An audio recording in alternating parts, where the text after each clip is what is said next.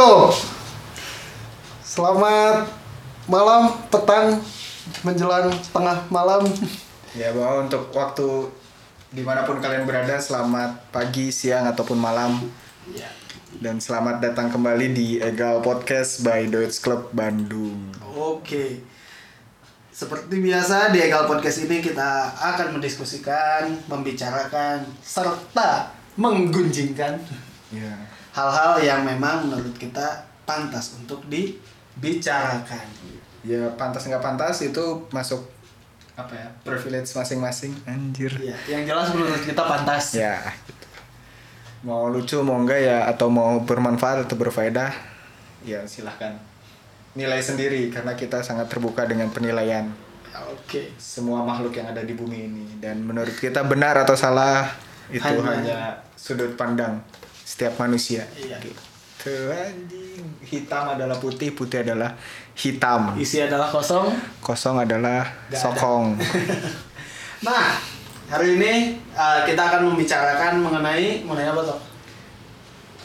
Ini sih ke- awal mulanya keresahan mungkinnya keresahan kita ngelihat eh, kita tinggal di negara yang baik-baik saja, sangat nyaman, eh, tidak ada kesulitan dalam mencari pekerjaan, makanan ataupun hal lainnya gitu. Susah. ya ibaratkan seperti itu aja. Terus eh, kita ngelihat negara tetangga gitu, contohnya negara Jerman yang memang kita juga belajar bahasanya, terus Bentar, eh, bentar, bentar. Kita lihat negara tetangga, contohnya Jerman. Dari mana ya tetangga Indonesia sama Jerman? deket lah tetanggaan dari tahun 1960 Hah? Bandung Braunschweig Eh, itu kan Brandung Braunschweig Brandung Braunschweig. Ya, itu bukan tetangga, itu namanya Sister City, bos. Oke. Kota kembar. Twin City dong nggak tahu juga kenapa yang jelas eh, ini keresahan kita juga sih karena eh, seperti yang kita tahu Indonesia ini eh, salah satu negara yang sedang berkembang ke satu terus yang kedua udah masuk negara maju bro. Oh ya udah. Udah udah udah masuk negara maju dari tahun berapa? Oh indikasinya apa dulu? G20 udah masuk G20 kalau nggak salah. Karena udah masuk G20 karena udah masuk G20 jadi termasuk negara maju. Oke. Perhaps yang, ya mungkin, mungkin. kurang pernah baca di artikel mana gitu.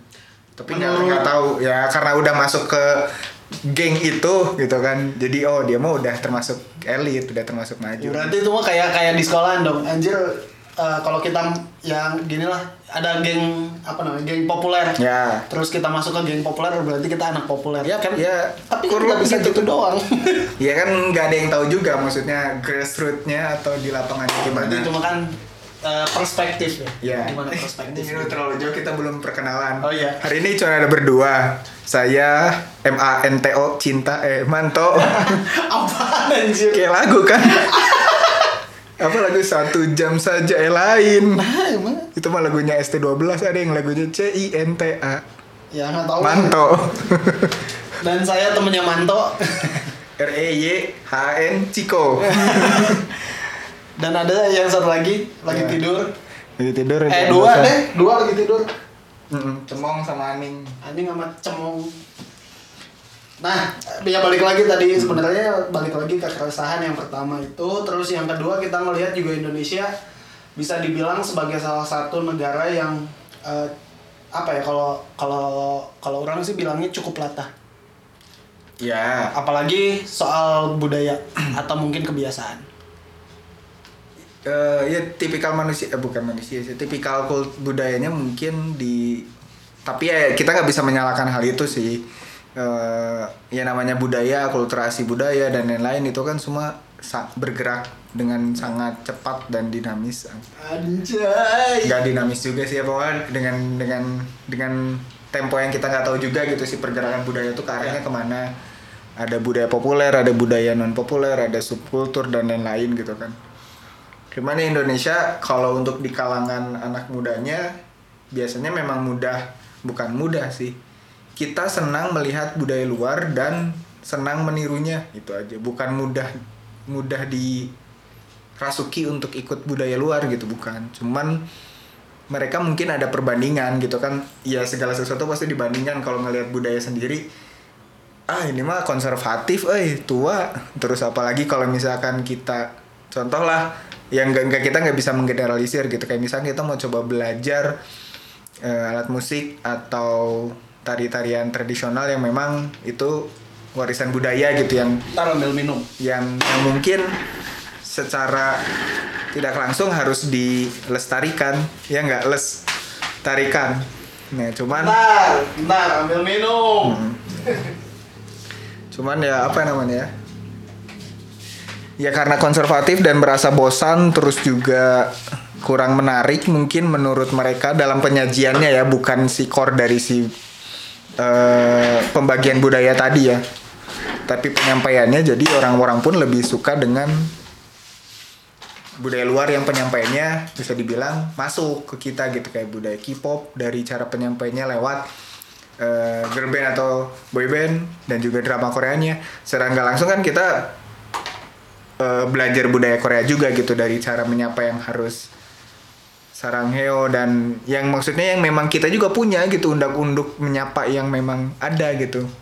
Cuman kan penyampaiannya nggak dibuat seperti itu gitu di film nggak dibuat seperti itu di musik nggak dibuat seperti itu atau bahkan di kelas pemerintahan atau elit Indonesia pun jarang ada yang memakai itu gitu. Ada cuman kan nggak semua. Mung- mungkin sekarang udah sih kayak di Bandung sendiri di setiap sambutan atau pidato setiap pemerintahnya pasti di awal langsung sampurasun Rampes. gitu kan. Itu udah udah mulai dibuat gitu kan. Si budaya itu kembali lagi ditumbuhkan gitu. Cuman di sisi lain ya eh, itu cuma jadi ya udah karena itu kewajiban dan itu ya nggak nggak nggak dibuat itu dalam sehari-hari bak ya yang mirisnya kan gitu. Kadang orang yang belajar atau yang nonton Korea ya nonton drakor atau no- kenal boy band dan girl band kan di di jalanan atau apa pun mereka condong lebih senang. Sarangnya eh Enggak, kalau kalau menurut kalau menurut sangeo menurut aku, menurut gue, menurut aing gitu. Sebenarnya eh, orang-orang Indonesia atau mungkin secara khusus Bandung melihat suatu budaya atau sesuatu ya sesuatu baik itu budaya atau misalkan eh, apa namanya barang baru kayak gadget dan sebagainya eh, faktor utamanya satu yang nomor satunya adalah masalah gaul atau enggak keren atau enggak itu do itu dulu kalau kata kalau kata orang ya. Kalau misalkan eh, hal itu dianggap sebagai sesuatu yang keren atau misalkan sesuatu yang memang eh, apa ya ngebuat ngebuat kamu jadi punya value yang lebih dia pasti bakal cari tahu. Atau setidaknya dia bakal eh, apa namanya mencoba untuk mengenal dan nanti kalau misalkan ternyata sesuai dengan ya setelah itu baru nanti masalah apa namanya eh, cocok atau enggak sama kita ke satu terus keduanya cocok atau enggak sama pergaulan kita cocoknya sama lingkungan kita baru diterapkan. Kalau kata orang sih itu dulu. Karena mengacanya kayak ini aja dulu. Dulu itu sempat nggak tahu sih ya kalau sebelum sebelumnya cuman eh, waktu zaman orang mas ya orang SD atau mungkin tahun-tahun SD tahun juga. aja Ya, 2000-an ya awal 2000-an itu kan sempat sempat rame gitu budaya-budaya Amerika di mana hip hopnya masuk, style hip hopnya Ah, ah, ah. masuk sampai yang apa angkat jari tengah gitu jadi tren Ah, waktu iya, itu iya. kan. Maksudnya fuck you, fuck ah. itu ngefuck tuh jadi hal yang ngefuck woi itu artinya mengacungkan jari tengah. Mengucapkan fuck you itu jadi tren gitu yang memang orang tuh nganggap anjir ini keren gitu. Padahal kan bukan sesuatu yang baik atau sesuatu yang bagus juga. Dan eh, itu tuh terjadi dalam kurun waktu yang singkat, nggak cukup lama gitu. Ya mungkin akhir 90 sampai awal dekade 2000-an, 20-an. Gimana nyebutnya? Dekade 2000-an. Enggak ya? Hmm. Itu tuh sempat hype gitu. Hip hop terus yang celana gombrang baju serba gombrang basket lagi innya banget. Style anak-anak basket gitu di mana pakai apa namanya West Hand Mm-mm, gitu. atau misalkan pakai headband terus dengerin musiknya musik-musik hip hop gitu. Itu kan lagi naik banget. Sampai abis itu mulai memudar dan naik budaya Jepang. Awal ya tahun-tahun segitulah 2004 Tapi kalau 2005. kata orang sih orang lebih lebih condong sama teori atau eh, ungkapan yang pernah disampaikan oleh pemateri dikte kita sebelumnya eh, Om Dian. Aha. Siapa Jadi- tuh? Jadi menurut doi Anjay. Doi. beliau menurut beliau tuh si budaya ini tuh sebenarnya sudah jalan dari dulu. Cuman ya kalau kita harus ngebagi dulu kan sebelum ngomongin si budaya, budaya kan itu masih terlalu general. Ya. Cuman kalau misalnya memang kita mau ngomongin arus budayanya lebih ke si fashion atau musik gitu ya. Condongnya ke situ. Nah sebenarnya si musik hip hop atau Jepang pun sudah masuk di waktu yang sama. Iya. Cuman kan antara mainstream atau non mainstreamnya Nah, itu. itu bedanya kan. Nah sama halnya kayak yang terjadi sekarang gitu kayak budaya digitalisasi atau segala sesuatu yang dilakukan secara digital entah itu dari apa namanya virtual meeting Ya. terus juga e-learning ataupun hal-hal lain yang sekarang segala sesuatunya didigitalkan tuh sudah berjalan dari dari Awal orang 2010 kali. Iya, da, ya 2009 juga udah mulai gitu. 2009 2008 tuh udah yang namanya booming blog. Orang-orang yang nulis Kasar lu ngomong. Iya juga sih. Nah itu tuh udah mulai musim blog kan dari tahun 2007 mungkin udah mulai musim blog. Terus ya pokoknya 2006 tuh udah yang namanya Friendster. Friendster, internet tuh yang warnet tuh yang udah namanya ngejamur di mana-mana. Nah, yang itu wallpapernya lumba-lumba. Nggak bukan lumba-lumba. Eh, Cuman kan si pengguna itu atau orang-orang yang memang komunitas yang ada di budaya itu belum banyak. Ya. Sampai sekarang kan bertumbuh, berkembang, eh, lumayan pesat. Ya secara tidak langsung akibat corona si budaya itu jadi mainstream gitu dan dan dihentakkan dalam satu kali waktu untuk orang-orang yang biasanya pun tidak enggan atau bisa dibilang menolak dengan perkembangan ini pun harus mau nggak mau mengikuti. Nah, itu mungkin yang jadi apa salah satu pembeda itu adalah ada momentum atau misalkan ada sosok yang memang Iya. jadi titik eh, apa ya titik balik meningkatnya sebuah budaya gitu atau viralnya sebuah budaya kita nggak tahu juga mungkin waktu itu budaya Amerika hype-nya gara-gara apa cuman kan sempat eh, kalau kayak Jepang kan kita mungkin ngikutin lah. Titik baliknya itu adalah Naruto misal. Mhm. gitu. Di mana eh, waktu itu lagi naik Kata Subasa dulu deh di Trans 7, eh TV 7. ya enggak. Itu kan masuknya udah lama gitu kayak Dragon Ball. Itu kan Oh, semua iya. udah lama masuknya. Cuman si titiknya gitu. Titik di mana orang tuh mulai tak oh Jepang gitu.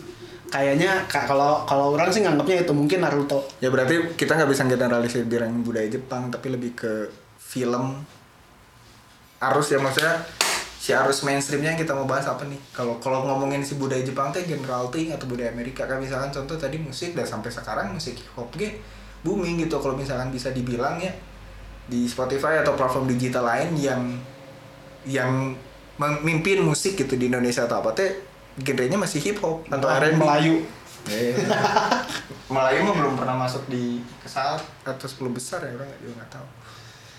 Itu di chart ya di chart yang Spotify kayak gitu. Masih R&B sama hip hop yang dipegangnya. Kan berarti memang masih mainstream orang yang ngedengerin musik itu.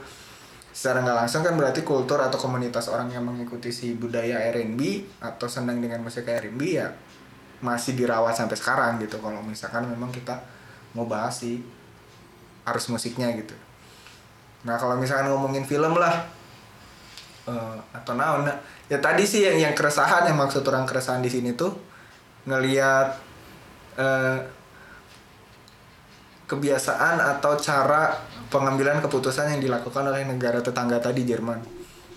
tetangga Nah si Jerman sendiri kan udah udah ya sekarang mereka sebutlah PSBB lah gitu. Mereka kan nggak nggak nggak nggak mengadakan lockdown juga, tapi pembatasan, sosial Pembatasan. juga gitu.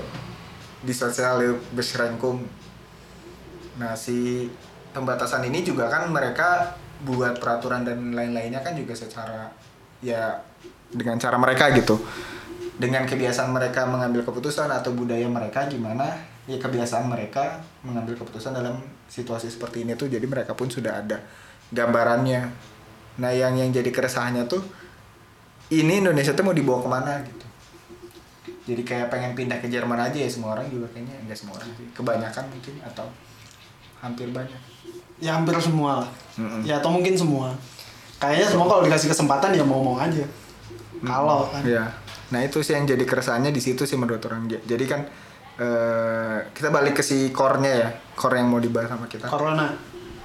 Kenapa si kebiasaan orang Indonesia itu ya maksudnya kita sangat eh, mudah atau senang mempelajari budaya orang luar tetapi kenapa budaya-budaya yang memang itu menguntungkan untuk kita atau mengembangkan si eh, potensi dari diri kita tuh enggak mainstream si pergerakannya tuh kalah sama jadi kita nggak bisa bilang lah eh, budaya-budaya lain yang masuk ke Indonesia tuh buruk untuk si potensi manusia atau pribadinya kan nggak juga. Cuman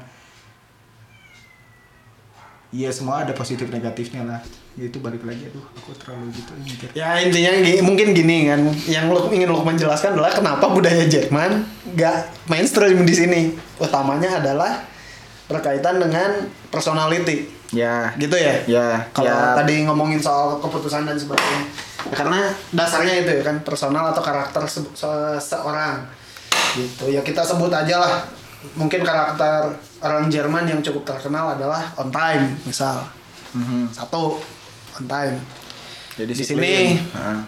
Ya Ya. disiplin lah, disiplin waktu di sini disiplin. somebody Hah? seseorang yang disiplin. Beberapa kan sam. Ya. Oh ya. Kalau seseorang someone. Oh, oke. Lagu ini si Adele apa? Someone, oh iya. Someone like you. Somebody like you. Bukan somebody like you. Kalau somebody like you, Banyak. oh. Nah, eh, terus apa lagi selain masalah disiplin? Ya kita bahas satu itu aja lah contoh lah. Contoh mah itulah. Ya Contoh itu terus ya direct kan atau orang Jerman kan terkenal juga dengan kebiasaan direknya atau bisa kan bilang enggak ya enggak atau atau enggak ada basa-basi nawarin makan atau gimana Ya. lah orangnya kan direct kayak gitu. Tapi enggak ya kita nggak bisa menggeneralisir tapi kebanyakan kayak gitu. Terus kenapa sih itu tuh nggak bisa masuk ke sini gitu? Dalam artian eh itu baik menurut orang gitu ya. Untuk untuk orang yang mau belajar atau mengenal budaya luar gitu dan menerapkan itu di hidupnya. Bukan berarti budaya kita sendiri dibuang gitu ya. Cuman hal yang baik kenapa nggak kita contoh gitu itu sih cuman orang ini aduh takut maaf enggak bukan bermaksud membilang kultur yang lain itu kurang baik Tapi ya itu balik lagi ke individu masing-masing orang nggak bisa menghakimi sih Lukman, Jauh. Hakim. Heeh. Menakutkan bro UU ITE Iya, iya sih. Cuman ya mungkin kalau dari maksudnya dari sudut pandang orang ya kenapa budaya Jerman nggak cukup populer di sini. Untuk contohnya tadi masalah on time yang pertama eh di sini semua unpredictable. Satu itu. Dalam artian kita nggak bisa memprediksi segala sesuatu apa yang eh, yang akan terjadi beberapa waktu atau mungkin dalam satu hari. Contoh, kita pergi ke apa pergi ke tempat kerja atau ke sekolah mungkin atau ke kampus. Durasi yang kita butuhin waktunya itu kadang beda-beda. Bisa aja misal di hari Senin kosong ternyata. Eh enggak, Senin pasti penuh. Senin penuh misal butuh waktu 30 menit. Sedangkan di hari Rabu atau hari Kamis itu justru kosong, kita bisa 15 menit gitu nyampe. Nah, kita kan nggak bisa gitu memprediksi hal-hal kayak gitu. Yang pertama. Terus yang kedua kalau misalkan orang pakai kendaraan umum. Ya, kendaraan umum di kita kan beda sama di Jerman gitu. Kalau di Jerman pungklih gitu.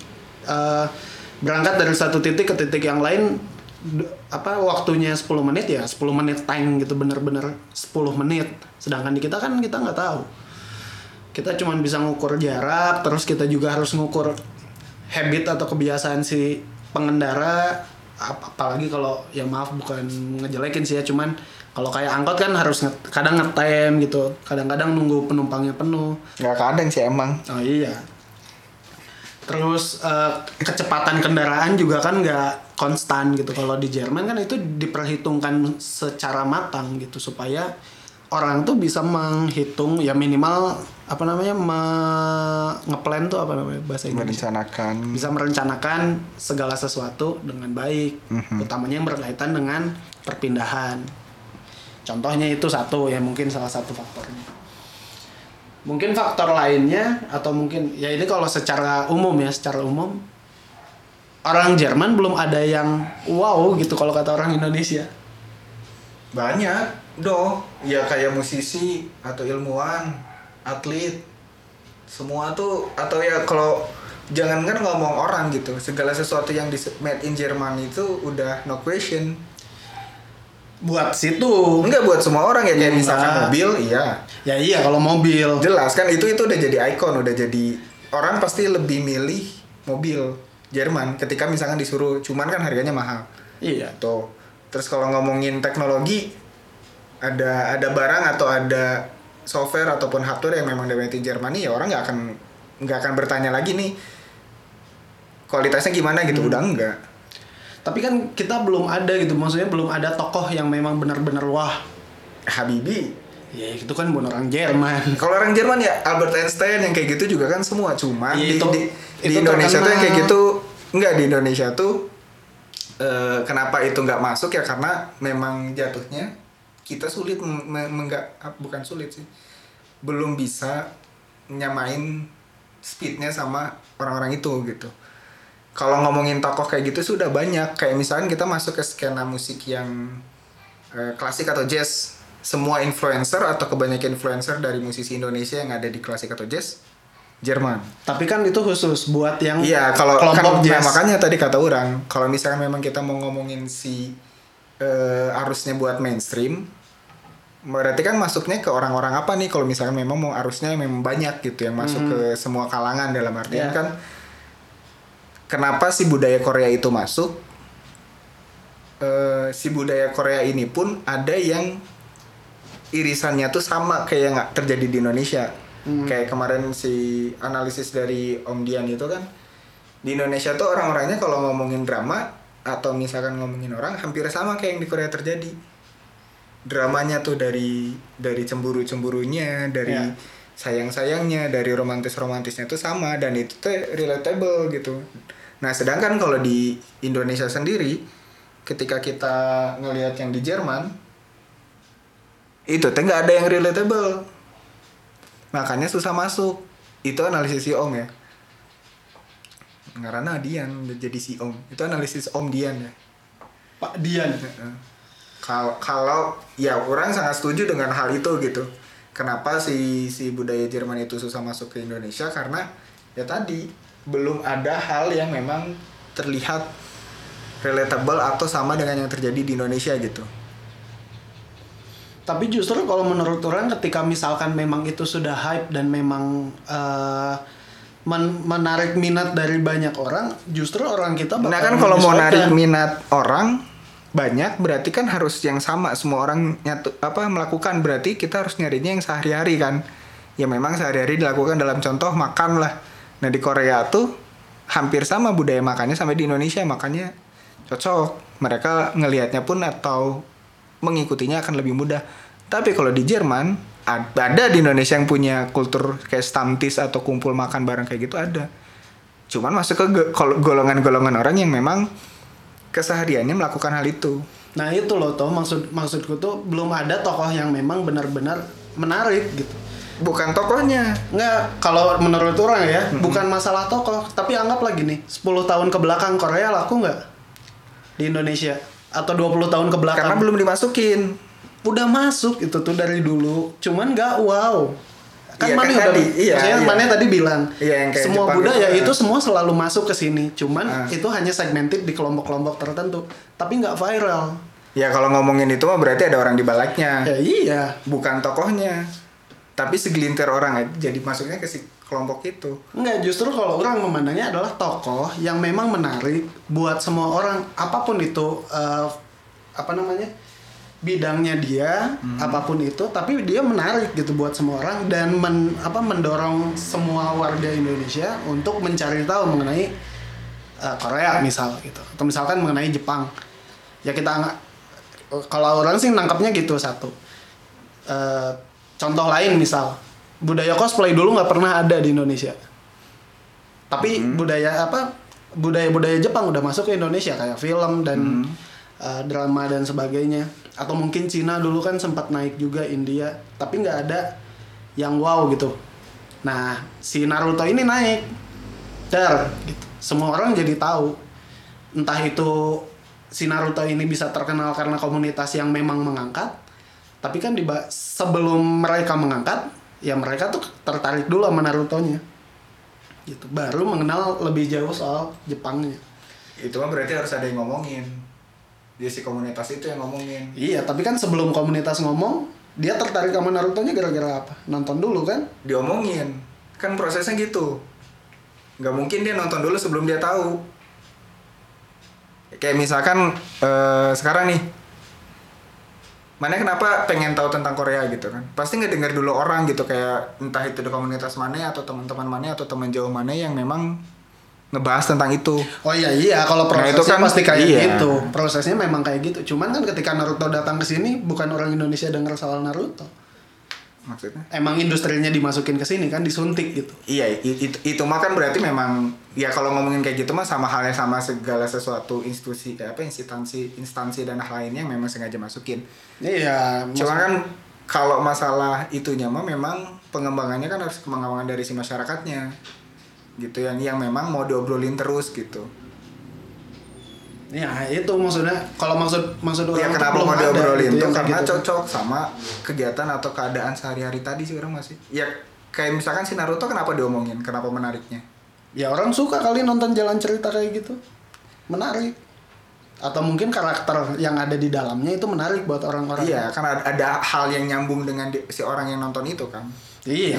Nah itu. Nah itu kan orang Jerman belum ada gitu yang ada di posisi itu. Untuk keseharian kan ini ngomongnya mainstreamnya. Gitu. Ya iya apa pun bidangnya kan.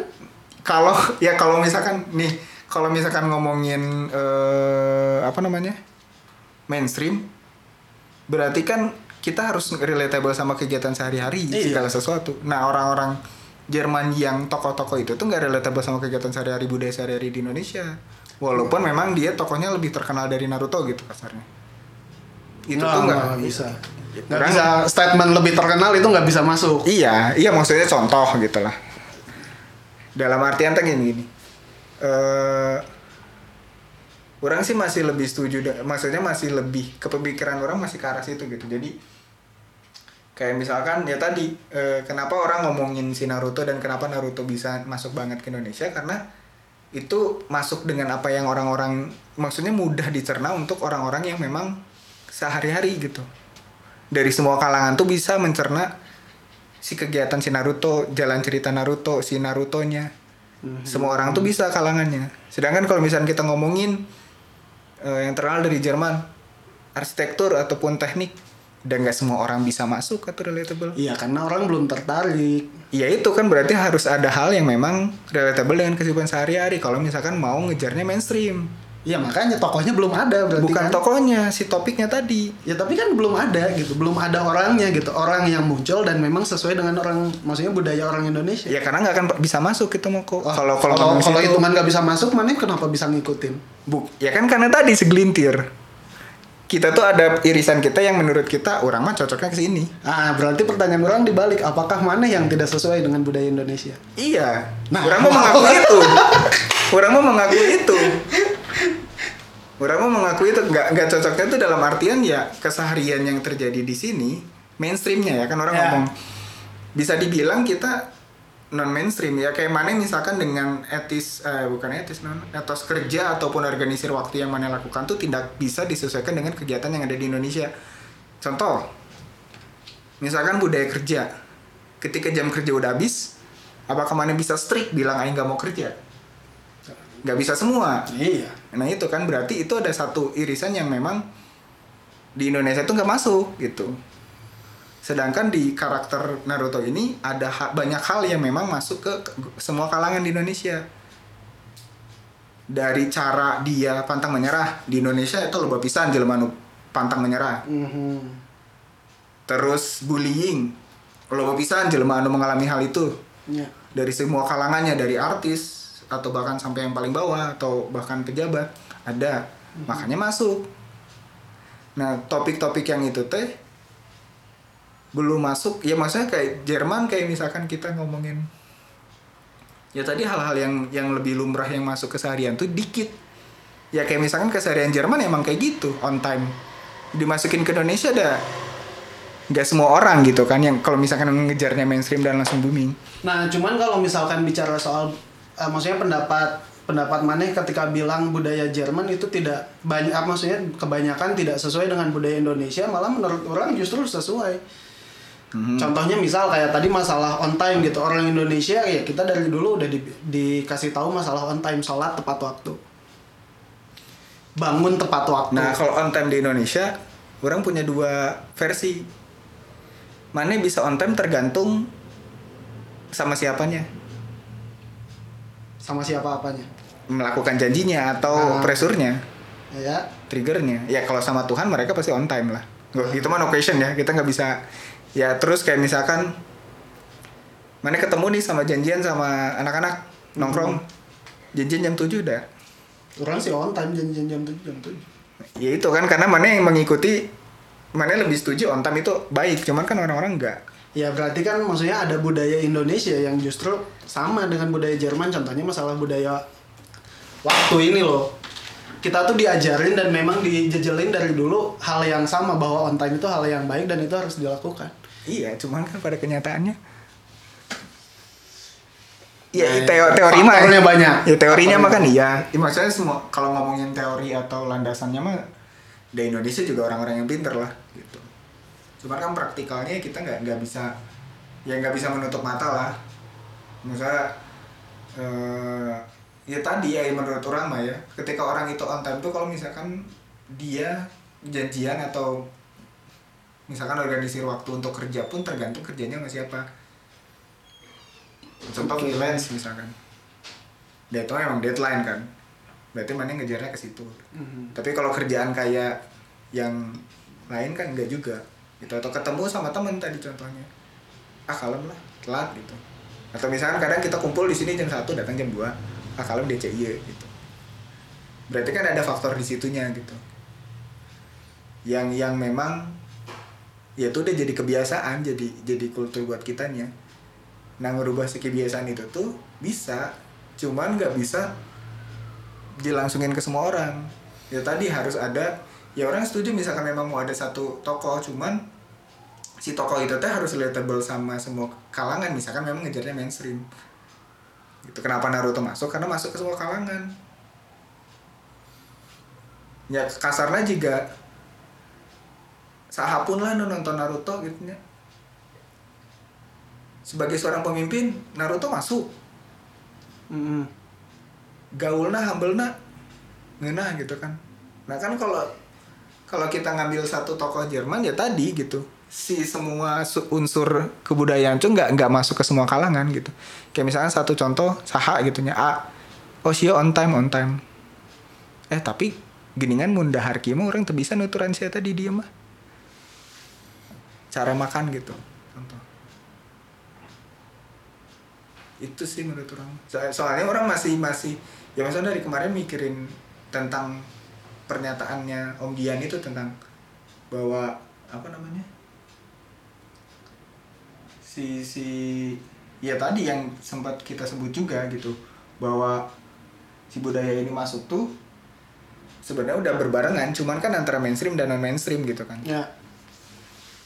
Nah bisa mainstream itu karena ya semua kalangan kayak tadi mana sebut seluruh Indonesia berarti kan mang-mang becak atau sahapun kayak kudu apal. Bahkan sampai kaos di Cimindi yang bajakan yang sablonannya print Naruto pun ada. Kenapa gitu kan? Ya berarti memang si karakter ini atau si jalan cerita ini tuh relatable sampai kehidupan si tukang becak gitu. Nah kalau ngomongin kehidupan Einstein mah da tak abus ke tukang becak. Jadi Tapi kan justru Einstein ge loba di dia. Banyak orang yang tahu Einstein, Iya. cuman emang ya gak relatable sama ke kita ke kehidupan mereka kayak misalkan orang mau ngikutin eh, tata cara hidup Einstein bisa bro di dia mah bukan bisa can bisa sih ya, te- bisa. ya kayak tadi contoh yang mana ngasih contoh masalah eh, perpindahan tempat gitu orang udah nyobain kehidupan Einstein yang gimana tak tak tak kerja kiki kiki dia karek naik angkotnya atau orang mau coba cara hidup bersepeda kayak di Jerman gitu Oh, sekarang lagi hype. Iya, tapi kalau lewat Cimindi mah nggak mau mereka kebulnya udah kayak kebul apa anjir. Tapi kenapa kan naik sepeda nggak digital ya? Padahal lagi musim digitalisasi sekarang. Itu sih. Nah itu sih mungkin yang menurut orang susah karena tadi sih maksudnya ada ada ada ada gap di situ ya menurut orang ada gap yang di mana si kebiasaan orang Jerman tuh agak sulit atau bahkan tak bisa diikutin di sini. Ya berarti kita angga- anggaplah ini kesimpulan sa- satu kesimpulan gitu yang lebih spesifik. Masalah on time budaya Jerman dan budaya Indonesia tidak bisa dimasukkan walaupun kita udah belajar dari dulu dan Iya, iya kita udah dikasih tahu on time teh Ya, benar.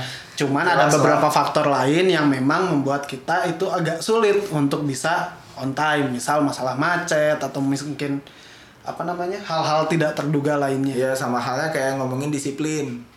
Mhm. Orang Indonesia tuh disiplin. Itu teh ya salah satu faktornya juga ya kenapa di Indonesia nggak disiplin gitu kan kayak kemarin banyak beritanya kan pelanggaran PSBB. Ya. Berarti orang Indonesia nggak disiplin. Nah, itu tadi nge-reverse sih teorinya. Eh dalam artian negeri kayak misalkan kita keluar negeri atau ke Singapura lah yang deket negara jauh. Jerman tetangga Singapura. Singapura jauh. Padahal Singapura dari sini cuma dua jam. Udah naik sepeda. Di Singapura orang-orang Indonesia sangat taat. Nyamannya ke Singapura pasti gitu kan. Dalam artian kayak kayak untuk bahkan ada eh, sa- sampai ada yang cerita untuk foto aja mereka segan gitu untuk foto tuh nggak berani foto di mana aja soalnya Iya. ada ada ada. Ada Dan- beberapa tempat yang nggak bisa diekspos soalnya. dan itu membuktikan mereka disiplin ketika mereka nggak dapat masalah di sana gitu kan Iya. Nggak balik ke sini ya apa yang menyebabkan hal itu di analisis itu disebut bahwa ya penegakan hukumnya Ya, aturan. aturan mah Indonesia loba bro Iya sih. ya, Ya, oh, ya, gitu. dari obrolan ini aja ada aturan maksudnya jangankan obrolan masalah intim aja diatur Nikah. Heeh. Masalah intim masalah ngewe aja diatur Nggak tahu sih nggak itu. Ya maksudnya kan sebelum mana nikah tuh mana harus ikut kompetensi dulu, uji kompetensi, tes nikah, Oh, tes training ya. keperawanan, ada- ya, ada training. Itu diajarin cara ngangkang atau gimana? ya, Ya berarti kan memang ada beberapa faktor lain sebenarnya bukan masalah irisan budaya yang enggak. Iya. Tidak semuanya. ya makanya, sesuai. makanya kata orang selalu segmented sih ini mah. Karena untuk segelintir orang aja yang bisa menerapkan hal itu di kehidupan sehari-hari mereka. Ya, misal yang ya. kerjanya dekat dari rumah, Ah. nggak harus nggak harus naik kendaraan, Kan, atau punya kendaraan pribadi. Ya, atau mungkin yang kerjanya di rumah. di rumah gitu kan itu terus dari dari tata cara komunikasi juga kan orang-orang yang mungkin belajar budaya Jerman atau segelintir orang di Indonesia berani bilang enggak Ya. dalam komunikasi atau apa ya kayak misalkan ada orang terbiasa nih dengan dengan eh, apa adu pendapat atau ngobrol kia yang kayak mana tadi nggak setuju orang nggak setuju tapi itu biasa gitu karena Ya. memang di budaya luar sana yang kita ambil bukan ambil sih pelajari Terapkan. terapkan ya itu nggak jadi masalah cuma Ya. kan di segelintir orang yang mungkin mainstream ya kita bilang mainstream banyak orang yang tersinggung kalau misalkan udah kayak gitu mah Bukan tersinggung, Apa? baper. ya bahasanya kan gitu kayak komunitas tetangga Yang mana? enggak bukan komunitas ding itu mah ya tetangga lah kan banyak hal yang gitu yang yang seharusnya malah mereka nggak baper karena itu punya sebuah peraturan yang memang harus diikutin tapi dibaperin gitu kan Iya iya iya iya. saya paham, saya paham. itu Ya ngomongin maksudnya ba- balik lagi sih budaya ke satu memang general, terus kedua ya banyak lah banyak faktor. Ternyata banyak banget faktor di Iya, luar benar, itu benar, yang benar. memang mempengaruhi baik itu faktor teknis ataupun mungkin faktor non teknisnya. Ya namanya budaya. Cuman ya tetaplah kita sebagai komunitas bahasa Jerman kita berharap semoga ya budaya-budaya Jerman yang Iya, positifnya nah, itu kan. itu bisa diterapkan contohnya on time atau On time. segala sesuatu yang tertata rapi disiplin dan sebagainya itu itu sih ya yang yang, yang balik lagi kan Ya. adanya podcast ini tujuannya ke sana Ya, tadi ngambil kenapa kita ngomong itu kan tadi keresahannya gitu kayak karena kita memang terbiasa nggak terbiasa anjing sombong banget terbiasa dengan budaya Jerman. Uh, ke Jerman aja belum aja anjing. belum gitu kan maksudnya ya yang yang yang yang kita tahu lah dari internet dan lain-lain kan Deutschland is behind das gitu seperti sebuah das netral gitu maksudnya dan dan kita mencoba untuk melakukan apa yang kita pelajari dan menurut kita itu positif kita terapin Ya. cuman pas ngelihat Terapkan. ya, terapkan cuman pas ngelihat keadaan di sini kan kayak ya kita selalu bukan bukan selalu membandingkan terus ngebandingin karena kita dapat informasi di Jerman gimana keadaan covid 19-nya pandeminya kan anjir Jerman mah udah enak dong Sudah normal lagi. Eh, udah udah boleh grillen di taman Ya. udah boleh ke clubbing gitu Ya, kasarnya udah beberapa boleh tempat juga kayak sekolah itu udah mulai normal lagi Heeh. sekolahnya. Karena ya dan bu- bu- kita nggak mencoba menyalahkan satu pihak gitu cuman ya kita introspeksi dulu diri juga Ki- anjir kita mau menerapkan hal itu di sini gitu kayak oh ternyata di Jerman mah ada ada teori ini ada gini gini gini gitu. Kita terapin di sini tapi kayak masih banyak faktor lain yang Eh, ibu-ibu cantik ditilang karena nggak pakai masker anjir. Kemarin ada Tapi harus beritanya. banget itu si tagline-nya ibu-ibu iya cantik. iya di TV lah gitu gobloknya Kayak kayaknya pas di- diminta, "Bu, Ibu mau dimasukin headline berita?" Iya nggak apa-apa asal aku disebut cantik. Terus itu tuh di, di, di- dikasih hukuman sosial suruh nyapu ngambilin ah, daun-daun kering. Biasa ya ibu-ibu muda aja gitu. Rambutnya biasa blonde eh, ombre gitu. Mau tahu dari mana blonde? Ya pirang orang. Ono foto eh. Ada kan di videoin lagi nyapu. Oh, orang nggak tahu. Ya itu kan masalah hal yang kayak gitunya ya. Ah, entah lah. Ya dan masih banyak budaya Jerman lain sih sebenarnya yang bisa maksudnya kita jadiin contoh dan memang kita diskusiin bareng-bareng gitu. Selain masalah on time tadi. Bukan mengiklankan budaya Jermannya tapi lebih kayak kita sharing lah ada ada kalau, ada, kalau saya sih mengiklankan. ada alternatif loh gitu selain Korea, Jepang, Amerika dan India gitu yang cukup booming di Indonesia ada juga Jerman. Taiwan sempat booming kan? Iya kan? Yang mana sih? F4. Oh iya. Jepang. Tapi orang nyangkanya Mandarin itu sih. Ya lah pokoknya satu daerah sana. Satu rumpun. Itu. Kalau hitungan rumpun kita juga masuk kali. Apa ya? Asia? Enggak ya? Kita Indonesia kan. Enggak tahu sih Indonesia. Indonesia mah Atlantis. Iya benar, Indonesia Atlantis. Jangan bilang-bilang ya Indonesia tuh Atlantis. Iya. Ternyata kita itu salah satu kaum yang maju dulu. Dulu. Dulu. Sekarang Ini nih, ini salah satu intermezzo yang sering orang pikirin. Eh, waktu Perang Dunia 2 ya, nggak usah terlalu jauh. Waktu Perang Dunia 2, Jerman tuh pihak yang kalah kan. Mhm. Sedangkan kita pihak yang menang. Yoi, kita merdeka. Indonesia menang, Bro. Kita merdeka, kita menang gitu loh pas Menang perang ya. penjajahan. Iya ya. Tapi kok Jerman menjadi maju?